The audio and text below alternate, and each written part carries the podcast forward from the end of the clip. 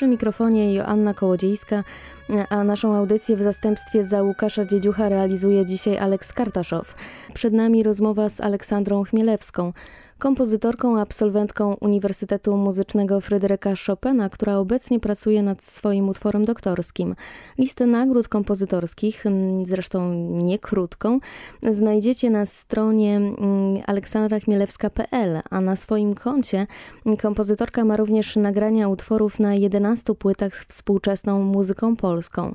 Aleksandra Chmielewska prowadzi także działalność literacką. Sześć lat temu jej debiutancka powieść Uczeń Czarnoksiężnika ukazała się nakładem wydawnictwa Nowe Res, a rok później jej scenariusz do słuchowiska Tam, gdzie mieszka cisza został wyróżniony drugą nagrodą w konkursie organizowanym przez Festiwal Literacki Sopot. Słuchowisko zostało zresztą zrealizowane przez artystów z Gdańskiego Teatru Miniatura i rok później otrzymało jeszcze jedną nagrodę, tym razem pierwszą w kategorii słuchowisk dla dzieci i młodzieży na festiwalu Dwa Teatry.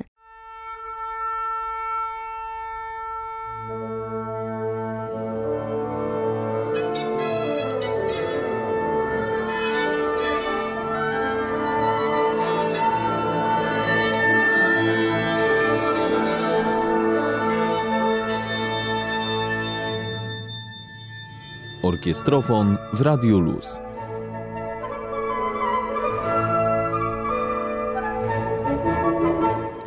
Przypadku młodych kompozytorów, to jednak to chyba jest jedna z takich trudniejszych rzeczy, żeby pojawić się na płycie. Z mojej perspektywy to tak wcale nie wygląda, szczególnie dlatego, że zajmuję się w jakimś tam stopniu muzyką churalną i powstaje e, dziś bardzo dużo płyt z muzyką churalną. Chóry e, szukają nowej muzyki. Chór nie jest mi, zdecydowanie nie jest mi najbliższy.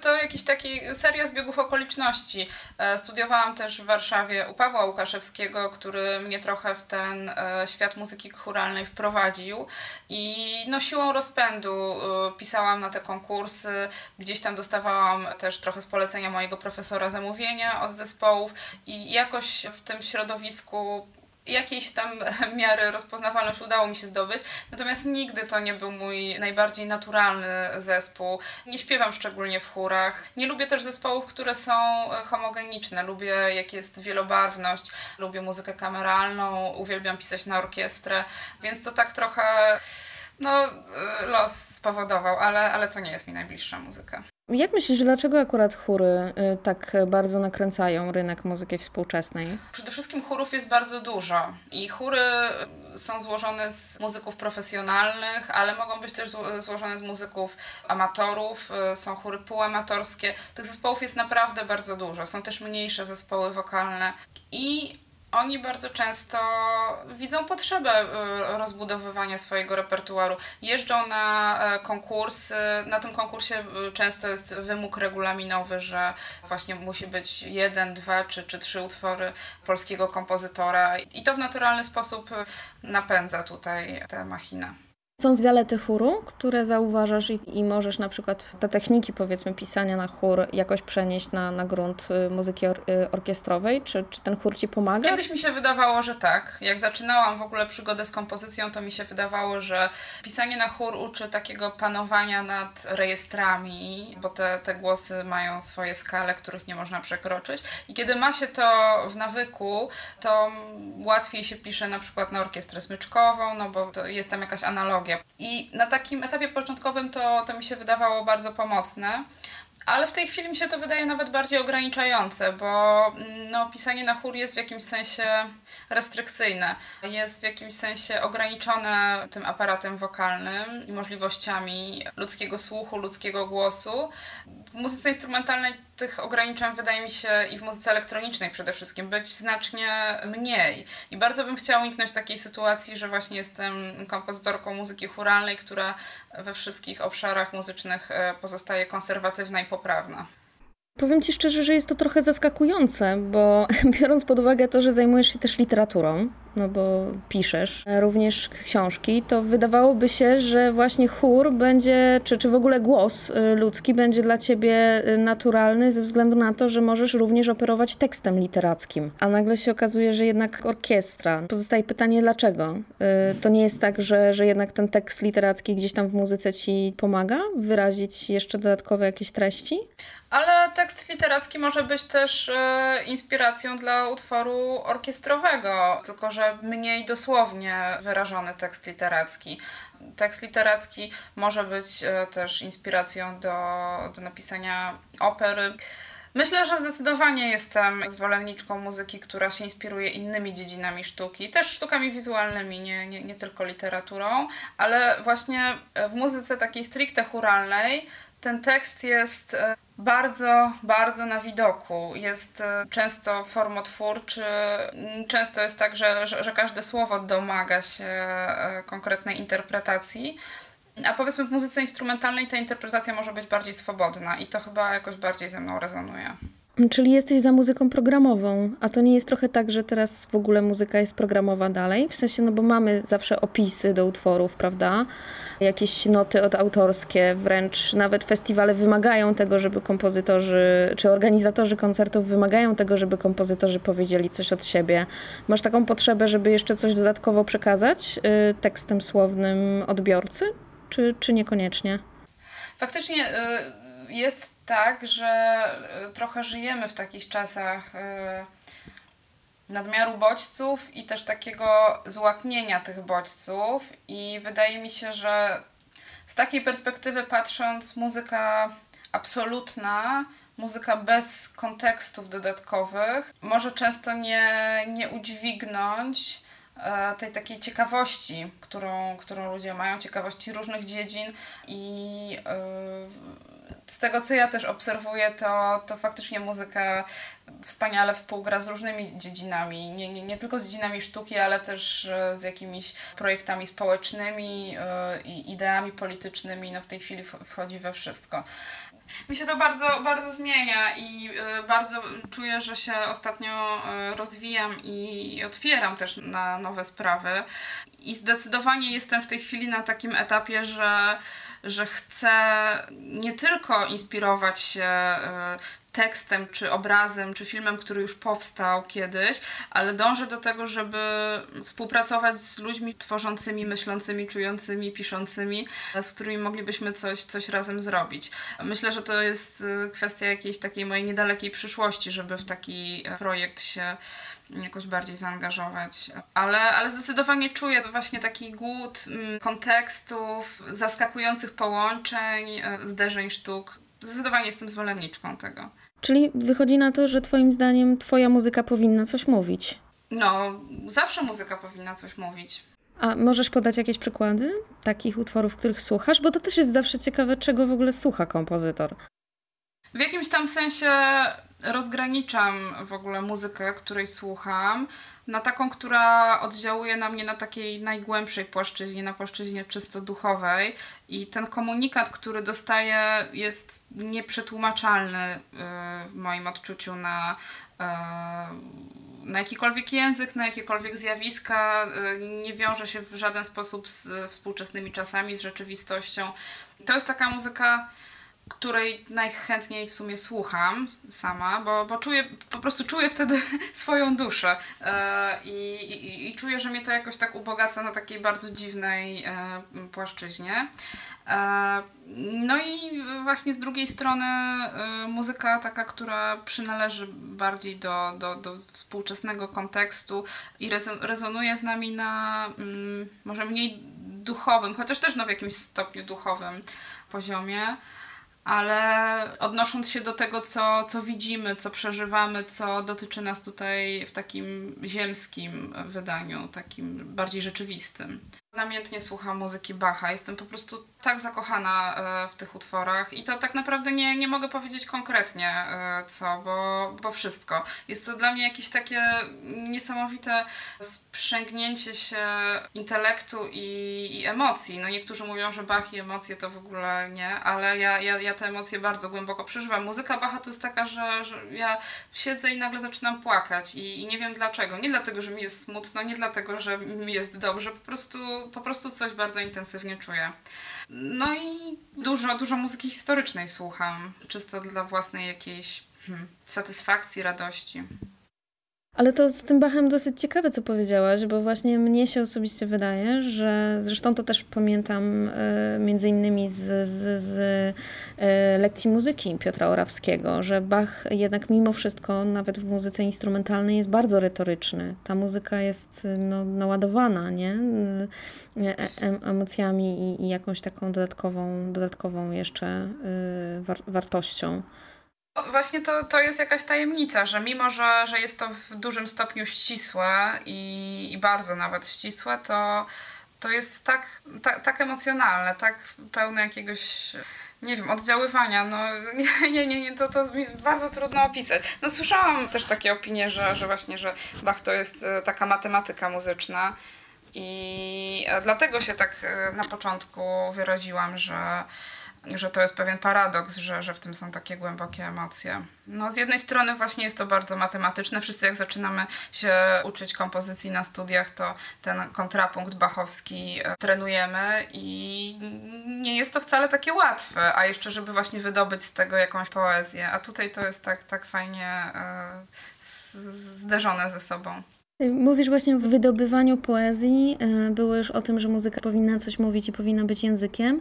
No i właśnie jak łączysz to, że jeszcze w swojej działalności artystycznej operujesz też stricte samym językiem jako, jako pisarka? A czy to cię jakby wzajemnie inspiruje, nakręca, czy to są zupełnie dwie różne dziedziny, które, które nie oddziałują ze sobą? No z jednej strony to są takie trochę moje dwie tożsamości. Ostatnio e, właśnie w jakimś wywiadzie nawet posłużyłam się takim e, sformułowaniem twórczego płodozmianu. To, to sformułowanie widziałam w jakimś wywiadzie z Jerzym Maksymiukiem, który w ten sposób mówił o swojej działalności. I dla mnie to jest bardzo dobra metoda na to, żeby się nie wypalić i nie znudzić, właśnie zmieniać sobie i to tak zmieniać powiedzmy z miesiąca na miesiąc. Może być też z, z pół roku na, na kolejne pół roku. Właśnie tę dziedzinę, w którą e, głębiej wchodzę. No na takiej zasadzie, że właśnie tutaj we wrześniu powiedzmy bardziej intensywnie komponuję, mam jakieś tam zamówienie, e, mam jakiś projekt, więc, więc to jest dla mnie ważne. I przychodzi taki dzień, że jestem już tym bardzo zmęczona i, i wiem, że już mogę oczywiście próbować dalej, ale to już nie jest takiej jakości, jakby mogło być. Więc y, sobie siadam do, do pisania i wchodzę w to wpisanie z taką y, świeżą energią. I to jest to jest w ogóle kapitalne. Ale jeżeli chodzi o Twoje pytanie, czy, czy te światy się jakoś przenikają, i tak, i nie. Niby w mojej twórczości literackiej te wątki muzyczne się pojawiają. W sumie zawsze, bo czuję, że to jest coś, o czym mogę napisać głębiej niż, niż powiedzmy o, o medycynie czy, czy o prawie. Że u, mogę uczynić mojego bohatera na przykład skrzypkiem i wtedy opisując jego jakieś tam stany emocjonalne, jego dylematy, będę bliższa mm, rzeczywistości niż właśnie gdybym pisała o pilocie samolotu. Mm, chociaż to jest też kwestia wyobraźni. Ale nigdy w sumie y, nie, nie robiłam takich projektów łączonych. No za wyjątkiem mojej opery Frida. No tutaj napisałam libretto i, i, i, napisałam też muzykę, ale to jest w sumie bardzo duża odpowiedzialność i może dlatego jeszcze tutaj cały czas nanoszę jakieś poprawki. Czy mm, to, to zjawisko tak, tego płodozmianu pojawia się też u Ciebie w zakresie inspiracji, jeżeli chodzi o muzykę? Mm, no zdecydowanie tak. Zdecydowanie i w ogóle czasami aż mi jest yy, wstyd, bo mam wrażenie, że, że to czym się zajmuję to jest trochę taki miszmasz, bo właśnie z jednej strony ta wspomniana już muzyka churalna, z drugiej strony yy, jakieś projekty z muzyką improwizowaną, yy, improwizuję też do, do filmów na, na żywo, właśnie muzyka filmowa, z trzeciej strony jakieś utwory orkiestrowe, z czwartej znowu teraz troszeczkę sobie sobie kupiłam sprzętu, więc jakoś bardziej wchodzę w muzykę elektroniczną. No, wydaje mi się, że jestem jeszcze w ogóle bardzo na takim etapie poszukiwania e, swojej drogi. Ja wiem, że coś z tego się wykluje, bo czasami mam takie mm, momenty wow, momenty odkrycia i momenty przełomu, ale, ale wiem, że jeszcze na razie to jest bardzo dużo kontekstu, więc odpowiadając na pytanie, to tak, zdecydowanie tutaj troszkę tak żongluję tymi inspiracjami. Co zaczęło się wcześniej? Pisanie tekstów czy pisanie muzyki? Sięgając już jakichś czasów zupełnie archaicznych, y, czyli mojego zamierzchłego dzieciństwa, y, przedszkolnego w zasadzie jeszcze, no to oczywiście tekstów, bo, bo w pierwszej kolejności władałam piórem, a, a nauczyłam się pisać i czytać w jakimś ekstremalnie y, młodym wieku, dwóch czy trzech lat i, i zawsze pamiętam, że to był w ogóle jakiś taki mój świat i moja odskocznia i bardzo dużo czytałam i, i, starałam się w jakiejś tam formie to przenosić na papier. No pierwsze takie poważniejsze literackie próby, no to powiedzmy gimnazjum. Pierwszą książkę moją e, to napisałam w liceum, więc to, to było wszystko bardzo wcześnie. A potem się skupiłam na muzyce. Chociaż, chociaż muzycznie też, też w sumie wcześniej jakoś yy, próbowałam. Tak mi się wydaje, że od gimnazjum poważniej coś tam. Robiliśmy w szkole koncerty kompozytorskie, e, z mojej inicjatywy zresztą, tam wysyłałam utwory na konkursy. Już tak się starałam, żeby to nabrało jakiegoś poważnego wymiaru.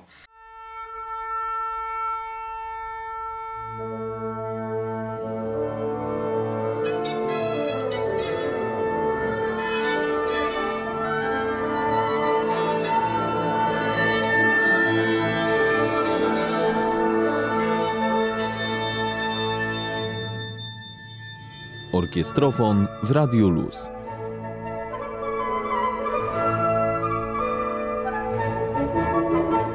Jakie trudności w ogóle spotykają kompozytora w dzisiejszych czasach, kompozytorkę? Co trzeba zrobić, żeby się e, przebić w ogóle? No na pewno byłabym większym autorytetem mówiąc takie słowa, gdyby udało mi się przebić już tak na szeroką skalę, ale z takich moich obserwacji wynika, że bardzo, bardzo, bardzo wielu kompozytorów młodych kończąc studia kompletnie nie ma takiego instynktu, żeby samemu wyjść z inicjatywą. Ludzie po prostu czekają, aż, aż ktoś ich zaprosi, aż ktoś tutaj z nimi nawiąże współpracę.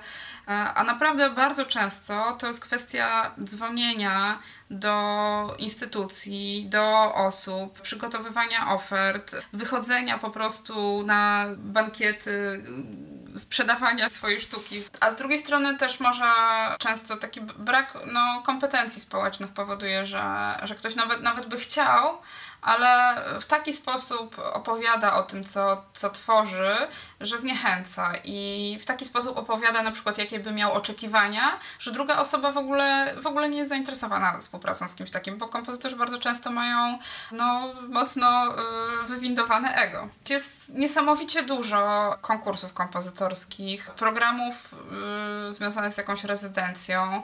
W ogóle, gdyby ktoś bardzo chciał, to naprawdę każdego miesiąca jest jakaś, jeżeli nie jedna, to, to nawet więcej okazji dla kompozytorów. I moim zdaniem na studiach jest fantastyczny czas, żeby takie ryzyko podejmować i żeby nawet może się nie udać, ma, nawet to może być zmarnowany czas, ale uważam, że większa wartość jest właśnie w wysyłaniu na e, konkursy, w wysyłaniu na konkursy Call for Scores, niż na tym, żeby mieć e, piątkę, a nie czwórkę z e, ćwiczeń harmonicznych. Że to po prostu procentuje bardzo potem.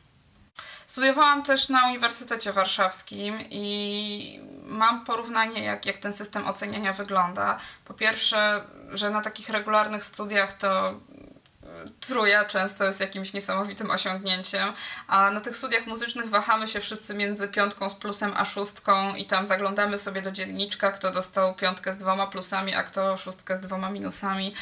I też jest to takie bardzo arbitralne. Oczywiście nie chcę jakoś też przesadzać, no bo tam jakaś y, doza prawdy w tych ocenach jest, ale na studiach artystycznych wydaje mi się, że pewną mądrością jest nie przejmowanie się tym za bardzo i po prostu robienie swojego, bo, bo to ocenić można, kto skoczył wyżej, kto skoczył niżej, kto przebiegł szybciej, kto przebiegł wolniej, ale już takie subtelności artystyczne to to ciężka sprawa. Czy nie jest trochę tak, że media dzisiaj y, przeszkadzają młodym kompozytorom? To znaczy, mam tutaj na myśli to, że wiesz, jakby jest taka sytuacja, że teraz de facto muzykę może robić każdy. Wystarczy sobie, nie wiem, zainstalować jakiś program na kompie, nie musisz znać nut i możesz sobie, nie wiem, tworzyć techno albo elektronikę, albo E, albo pisać sobie na jakiś zespół instrumentalny, e, oczywiście na samplach, no ale jednak nie. Kiedyś uważałam, że, że, że psuję i w ogóle uważałam to za straszną niesprawiedliwość, że ktoś ma drogi sprzęt, a ja tego drogiego sprzętu nie mam i ktoś właśnie może sobie tutaj kabelki połączyć, poprzyciskać co trzeba i, i zrobić coś, co będzie bardziej efektowne niż ja tutaj e, siedząc nawet bez instrumentów w domu. Bardzo mi się ta optyka optyka zmieniła i uważam, że to jest y, fantastyczne, że mamy tyle, tyle możliwości i tyle y, mediów. A to, że ktoś na przykład bez wykształcenia muzycznego może coś stworzyć, posiadając sprzęt, no to, to świetnie, że może. To właśnie świadczy o tym, że, że może jakby ma więcej polotu niż osoba, która e, te studia e, skończyła i która na przykład nigdy e, na taki pomysł nie wpadła, żeby taką muzykę robić. Jestem w tej chwili bardzo zdystansowana do, do systemu edukacji muzycznej i uważam, że jeżeli ktoś jest takim nikiforem i jakby jest w stanie coś zrobić, oczywiście to może być bardziej lub mniej wartościowe, ale to już publiczność, krytyka zweryfikuje. No, uważam, że, że to jest świetne. Ja sama się biorę za różne dziedziny sztuki, e, nie mając w tym kierunku wykształcenia, chociażby wspomniana już literatura. Też mi ktoś może zarzucić, przecież nie jestem polonistką, że przecież e, nie, nie chodziłam na kursy, teraz reklamują bardzo często jakieś tam kursy pisania opowiadań, coś. A ja uważam, że mam na przykład do tego większy talent niż niejedna osoba, która polonistykę skończyła. No więc to e, tutaj akurat, akurat bym się nie zgodziła, że media e, psują rynek. No to jest bardzo złożone y, zjawisko, bo z jednej strony pomagają w takim sensie, że możemy robić coraz ciekawsze rzeczy, a nasze mózgi teraz w dobie internetu są w ogóle tak nastrojone, że żeby coś przykuło naszą uwagę, no to musi być nowe, to musi być właśnie jakieś połączenie jakichś kosmicznych bodźców, coś czego nie było. No z drugiej strony jest oczywiście ryzyko, że, że, że to będzie powierzchowne. Ja sama często uczestniczę w jakichś wydarzeniach muzycznych i, i po prostu czuję, że, że to jest powierzchowne, że to jest takie pobawienie się sprzętem, że to jest pokazanie możliwości, ale jakby nie, nie stoi za tym głębsza refleksja, nie ma tutaj logiki, nie ma tutaj ładu, więc no ale to yy, takie, takie zjawiska jak, yy, jak powierzchowność, no takie zjawisko jak powierzchowność było, było zawsze bez względu na, na możliwości yy, technologiczne, no więc nie unikniemy tego. A co Ci sprawia największą frajdę w Twojej działalności? No to może zabrzmieć tak trochę y, enigmatycznie, ale najogromniejszą frajdę sprawiają mi momenty flow. Sprawiają mi momenty, kiedy e, często sama siedząc drugi tydzień i rzeźbiąc w jakimś tam utworze, albo właśnie w, w tekście, po prostu wiem o tym, że to jest wejście na, na wyższy poziom. Wejście na taki poziom, gdzie nie zastanawiam się już tak bardzo nad recepcją, bo często pracując nad czymś, mam z tyłu głowy taką myśl, że będzie takie wydarzenie, że będą tacy słuchacze, że będzie taka krytyka, że, że będzie tak. I jest taki właśnie moment oderwania się od tego i poczucia, że to, co robię, jest naprawdę fajne. I nie mam tego przez cały czas. To jest po prostu jakiś taki pułap, który mi się udaje przekroczyć. Nie wiem od czego zależne, y, od, od bardzo wielu czynników. Mam też to w improwizacji właśnie, że, że gram, gram i po prostu przychodzi sekunda i nagle dociera do mnie, że to co robię jest kurczę świetne. I to brzmi bardzo, bardzo nieskromnie, no ale, ale to są naprawdę piękne momenty i bez nich wydaje mi się, że nie, nie, nie udawałoby mi się utrzymać tego co robię, bo tworząc tylko z myślą o tym, że, że będą z tego pieniądze, że komuś to się będzie podobać, że yy, nie wiem, no, że istniejemy tam w tym, w tym środowisku, yy, można się łatwo wypalić, ale właśnie ten moment taki, on jest w sumie bardzo podobny do tego momentu, którego doświadczam, jak słucham muzyki Bacha. Po prostu, że coś tam we wnętrznościach się przewraca i takie poczucie, że kurczę, jest moc, to, to, to jest dla mnie naj, najwartościowsze.